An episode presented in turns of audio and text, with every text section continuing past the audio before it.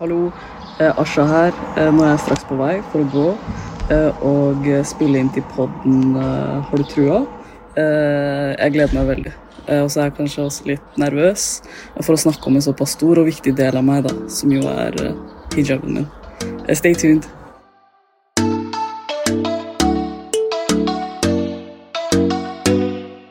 Hei, velkommen hit, eh, Asha. Tusen takk. Jeg er Ida, og i dag skal vi snakke om hijab. Og det er jo noe jeg bruker å ha på meg når jeg er på besøk i Iran. Hei, Asha. Jeg er Iman, og jeg eh, bruker hijab eh, hver dag. Og Asha, du holder jo på med slampoesi og er farmasøyt, og i dag så er du her for å snakke om deg sjøl. For du er jo praktiserende muslim og bruker hijab.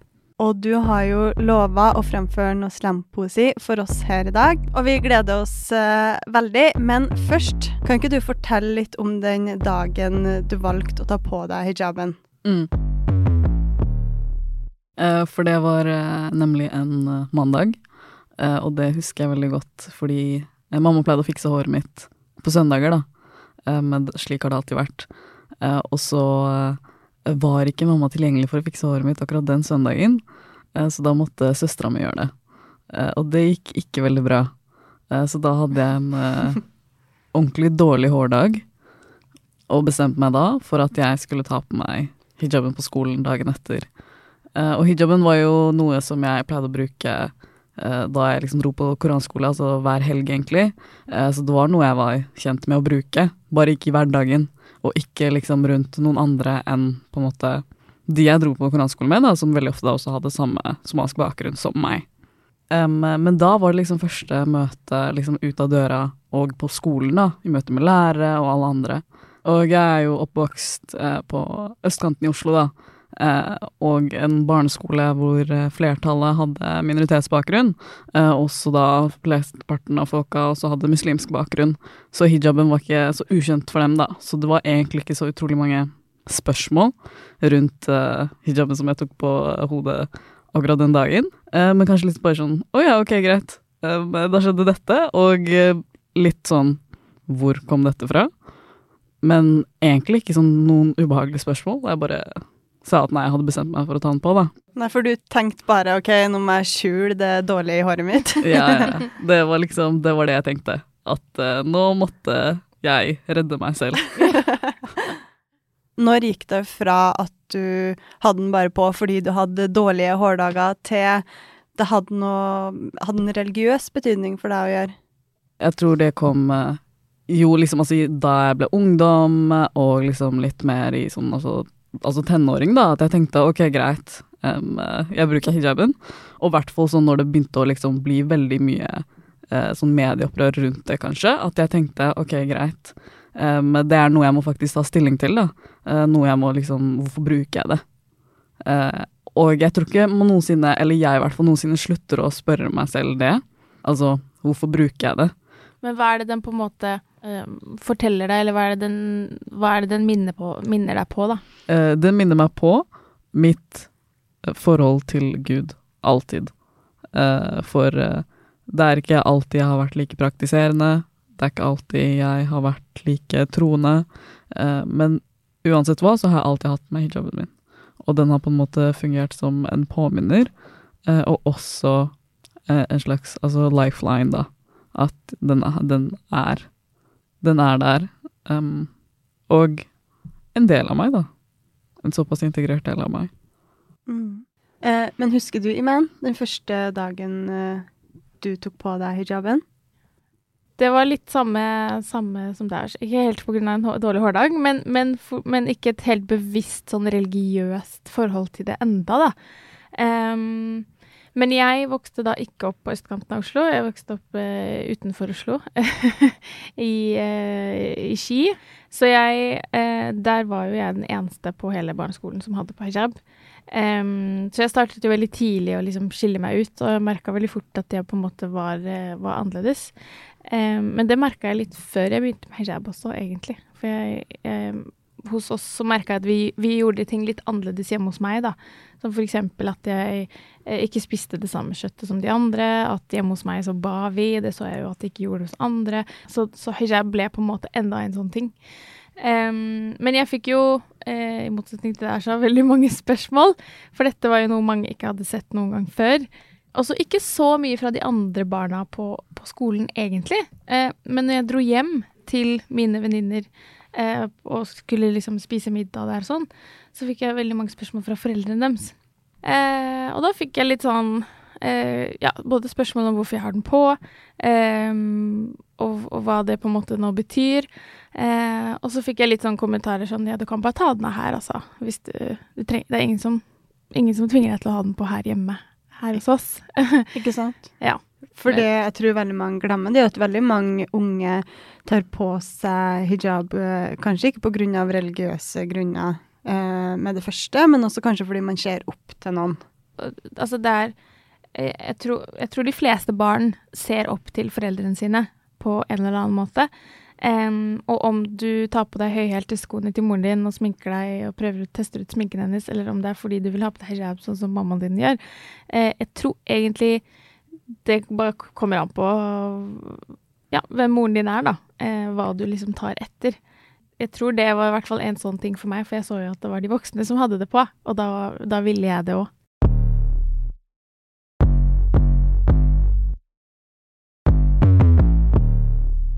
Jeg jo ikke, bruker jo ikke hijab, eh, til tross for at jeg har vokst opp med en del muslimske tradisjoner hjemme hos meg. Men i helga så dro jeg hjem til Iman. Eh, hun tok på meg en svart hijab. Da har Iman fått på meg hijab. Yes. Og så skal vi kjøre ned til Storesenteret. Mm. Skal, skal jeg gå litt alene der. Og skulle jeg da prøve å, å, gå med den hijaben offentlig, for å prøve å få et innblikk i åssen det er å bruke hijab i Norge i dag. Nå har vi parkert og er på vei inn til senteret. Jeg kjenner jeg er litt spent. OK, da har jeg sagt ha det til Iman, og så går jeg alene. Nå har jeg kanskje gått rundt i to-tre minutter, og jeg merker allerede noen blikk, og spesielt fra gamle, hvite menn. Der var en som ga meg ganske stygt blikk. Det er ikke til å ta feil av hvem, hvem du fikk blikk av, Ida. Nei, det var veldig tydelig. Og så var det jo også en del uh, muslimske kvinner som brukte hijab, som også fikk blikk av, men det var mer hyggelige blikk. Og så smiler jeg tilbake, og følte jeg ja, en del av dere. Sisters. Ja. Halla. så, men så det var utrolig hyggelig. Um, fikk jo på en måte bare et drypp av uh, innblikk i åssen det er å bruke hijab. Uh, jeg kan jo ikke forstå åssen det må være å, å, bruke det hver dag og, og bli møtt med de blikkene daglig. Kan dere prøve å forklare de blikkene dere møter på gata? Mm, jeg, kan, jeg, kan, prøve. Ja. Uh, for jeg tror det er litt ulike varianter av blikk. Uh, og så er det jo sånn at blikk absolutt ikke er det verste, da. Men det kan være altså det litt sånn lange stirret som ikke slutter. ja. uh, selv hvis man møter blikket. Oh, er litt sånn ok, ja greit, hva er det du ser på nå? Er det meg? Man kan også forsøke å smile for å se om de egentlig bare er hyggelige. Kanskje syns de du er fin, da. Ikke sant? For det er jo ofte noe man sier. Kanskje syns de bare du er fin å se på. Uh, ja, forsøk å smile, så finner du raskt ut om de egentlig ser på deg fordi de syns du er fin. Um, og så er det bare det, altså det Altså, hvis de er i lag med noen andre, da, kanskje sånn blikk og hvisking. Uh, og det kan godt hende at de hvisker om noe annet, uh, men når de blikker og hvisker mens de ser på deg, og det fortsetter Og så, og så kan man jo se på de fleste ansikter om det liksom er et sånt stirreblikk som man noen gang har, som er på en måte sånn helt nøytralt, hvor du bare stirrer til lufta, og så tilfeldigvis er det du som sitter der. Mm. Eh, eller om det er sånn ja, litt eh, stirrende øyne. eh, munnen går nesten nedover. Uh, bryna er litt, trekker seg litt sammen. Og så har jeg opplevd både liksom, når man møter det blikket, at noen da ser vekk ganske kjapt. Mm. men jeg har også opplevd at noen fortsetter å liksom fortsetter å se på meg, og så føler jeg vi har sånn stirrekonkurranse. Hvor det er sånn OK, hvem, hvem fjerner blikket først, liksom? Men, men sånn i det siste så har jeg noen ganger begynt sånn At jeg liksom løfter opp hånda med et sånn spørsmålstegn, sånn Hva er det, liksom? Hva er det du ser på? Uten å liksom si det. Og da er det litt sånn hmm, styrer, Ser de litt sakte vekk, på en måte. Um, du merker uh, så, Som du sier, Asha, man merker litt sånn ved hva intensjonen med det blikket er, da. Um, mm. Og jeg også har prøvd å liksom smile tilbake noen ganger, og da også er det liksom Enten så er det sånn ser jeg bort og skal ikke smile til deg. Eller så noen ganger får du faktisk et smil tilbake, da. Det var jo det jeg gjorde når jeg var på Storesenteret. Jeg smila tilbake. Eh, og så var det noen som da bare kjappa seg og så bort. Men så var det jo også noen som fortsatte å rynke på brynene og, og, ja. Ja, og fortsette å stirre. Jeg tenker at uh, det også er uh, viktig å bemerke seg liksom, hvor man har gått rundt med den, da. Som var Storo. Som, altså, de har jo forhåpentligvis sett noen før med hijab, og så møtte de også flere med hijab der. Uh, men jeg tror at det er verst de stedene hvor det på en måte Hvor man veldig tydelig merker at man kanskje er den eneste. og kanskje den første, til og med. Og det er en, det er en hendelse jeg husker spesielt godt, for det var for ikke så lenge siden. Det var i år, faktisk. For da Eh, var jeg og mine nærmeste på tur, da, på Sørlandet. Og eh, det var 17. mai. Og her, altså på denne øya, da, det er jo, altså det er fortsatt pandemi, så man kan ikke gå i noe barnetog eller noe som helst sånt. Eh, men det er båttog.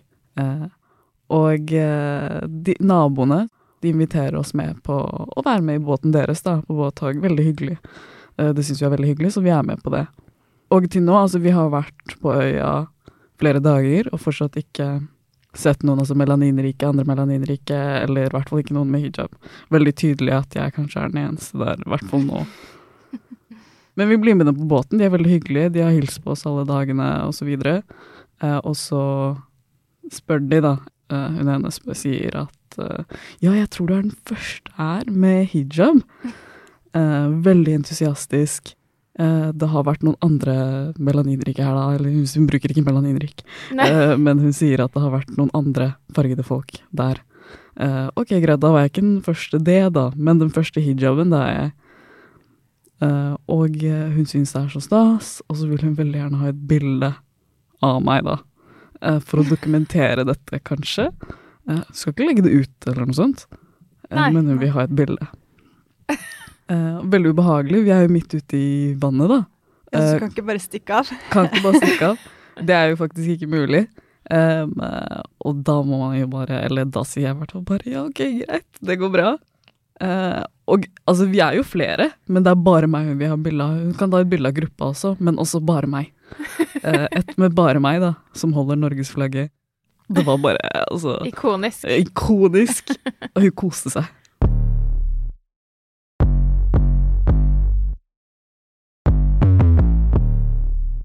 Men får dere noen gang lyst til å ta av hijaben når dere møter så mye motstand? Nei. Uh, faktisk ikke. Og jeg tror det er fordi uh, jeg, Eller jeg er i hvert fall en mester på sånn der Det kunne vært verre. Sånn personlig, da. Jeg gjør det ikke mot andre, men sånn personlig sånn Ja, nei. Det er ikke Altså, jeg har hørt så mange grusomme historier, da, og jeg har brukt det så lenge at det bare har blitt en del av meg. Men jeg tror jeg kan på en måte stille størst spørsmål ved, eller liksom beundre folk som starter med den kanskje nå. Uh, sånn i det klimaet som er i dag. Mm. Enn du, Imen?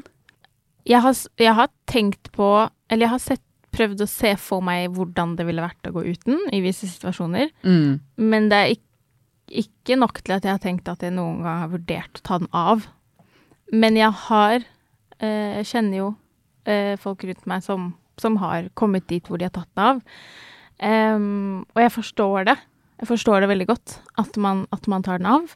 Eh, for det er, det er, jo slitsomt, og det er jo tøft, og man, man, det er noe man må stå i. Så jeg, har enorm forståelse for de som, som, velger å ta det av også.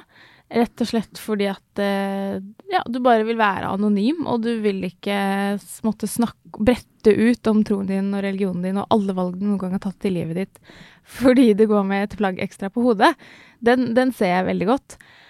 Jeg tror mange eller det jeg har hørt da fra de rundt meg som har tatt det av, det er at de har vært veldig redd for å ta den av, fordi de har vært redd for reaksjonene de kan møte på innad i det muslimske miljøet.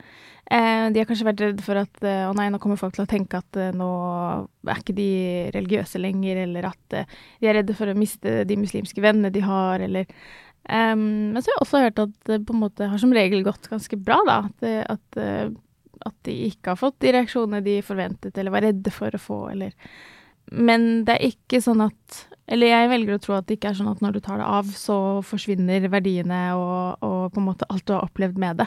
Eh, du er jo fortsatt den du er. Og så tenker jeg at, eh, at det kanskje for mange eh, vil være litt omvendt. At du kanskje får, får lov, da, til å eh, ha religionen for deg selv. Eh, som, som, noe du selv bærer og beholder og eh, Og kanskje det til og med ja, knytter deg nærmere religionen din.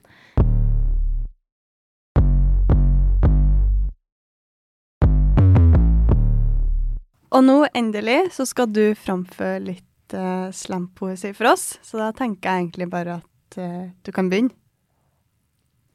Muslim. Det overrasker meg nesten like mye hver gang, og jeg skjønner ikke hvorfor. Men det gir kanskje mening for hvor ofte skal jeg føle meg utrygg i et av verdens tryggeste land bare fordi jeg er den jeg er. Bare fordi jeg tror på den guden jeg tror på, og bærer et hodeplagg. Og folk tenker at jeg bør drepes på grunn av det, og jeg skjønner ikke hvorfor. Det overrasker meg nesten like mye hver gang at folk er så redde for oss når vi er et fåtall. Og ikke minst bare vil jobbe, leve og eksistere i fred og sammen med alle andre. Jeg skjønner ikke. Kan ikke vi bare være sammen, alle sammen? Gud sa vi alle er etterkommere av Adam. Så sammen er vi verdens barn, og se bort ifra det hvis du ikke er troende. For en varm fortelling har vi uansett alle godt av blant de kaldeste folk, selv under det mest oppheta klimaet. For en varm fortelling har vi godt av hvis vi tror på menneskeheten, men selv ikke. Jeg vil være verdt like mye som den før og den neste, og jeg er drittlei av å måtte forklare meg selv. Det overrasker meg nesten like mye hver gang at jeg må forsvare hva jeg tror på, eller den jeg er. Jeg skjønner ikke hvorfor jeg ikke kan være meg, og fortsatt være menneske nok. Tusen takk, Asha. Her kjenner jeg blir skikkelig rørt, jeg. Tusen takk.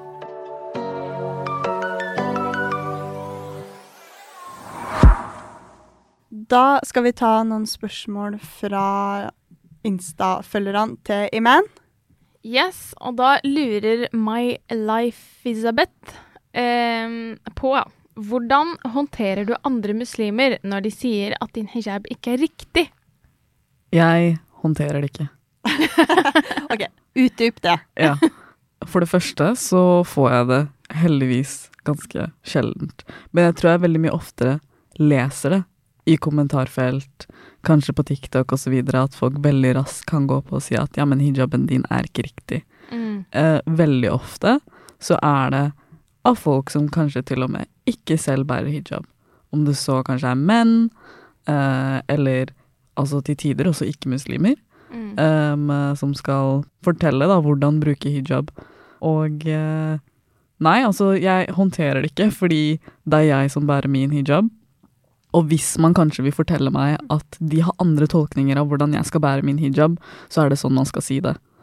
Uh, slik at vi kan ha en dialog, og ikke på en måte jeg som blir policed på hvordan jeg skal kle meg, da. Ja. Hijab-politiet. ja. It's a thing.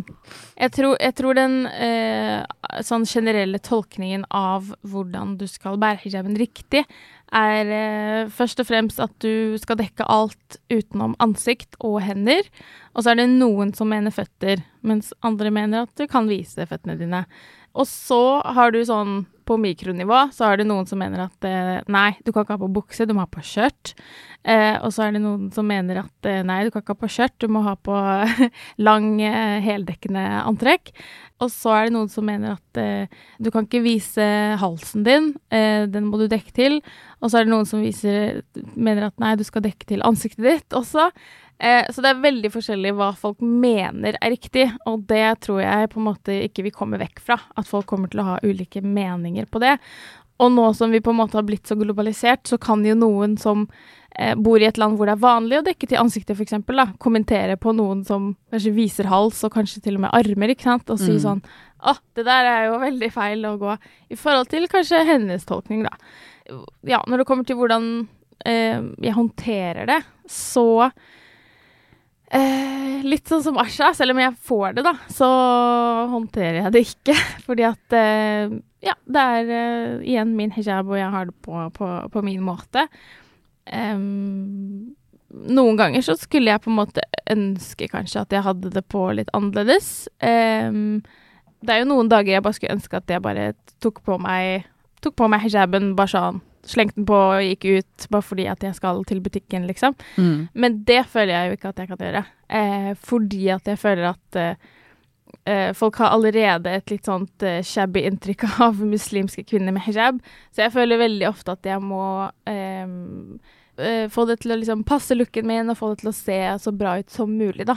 Og at uh, Ja, føl- følger jo litt moten, da, på, på min måte. uh, og tilpasser den litt til det at jeg faktisk går med hijab.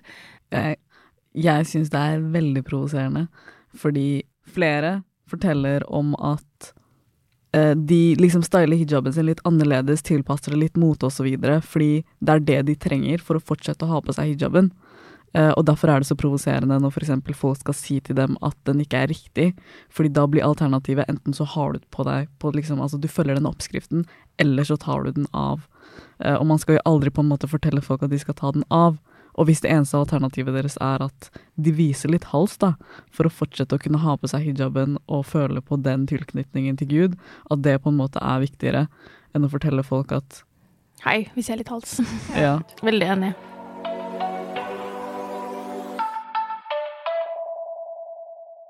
Yes, da er det gavetid. Og i forrige episode så hadde vi jo besøk av Simen eh, Bondevik. Og han hadde med et eh, delegatpass fra det siste landsmøtet han var med i, når han var, fremdeles var medlem i KrF.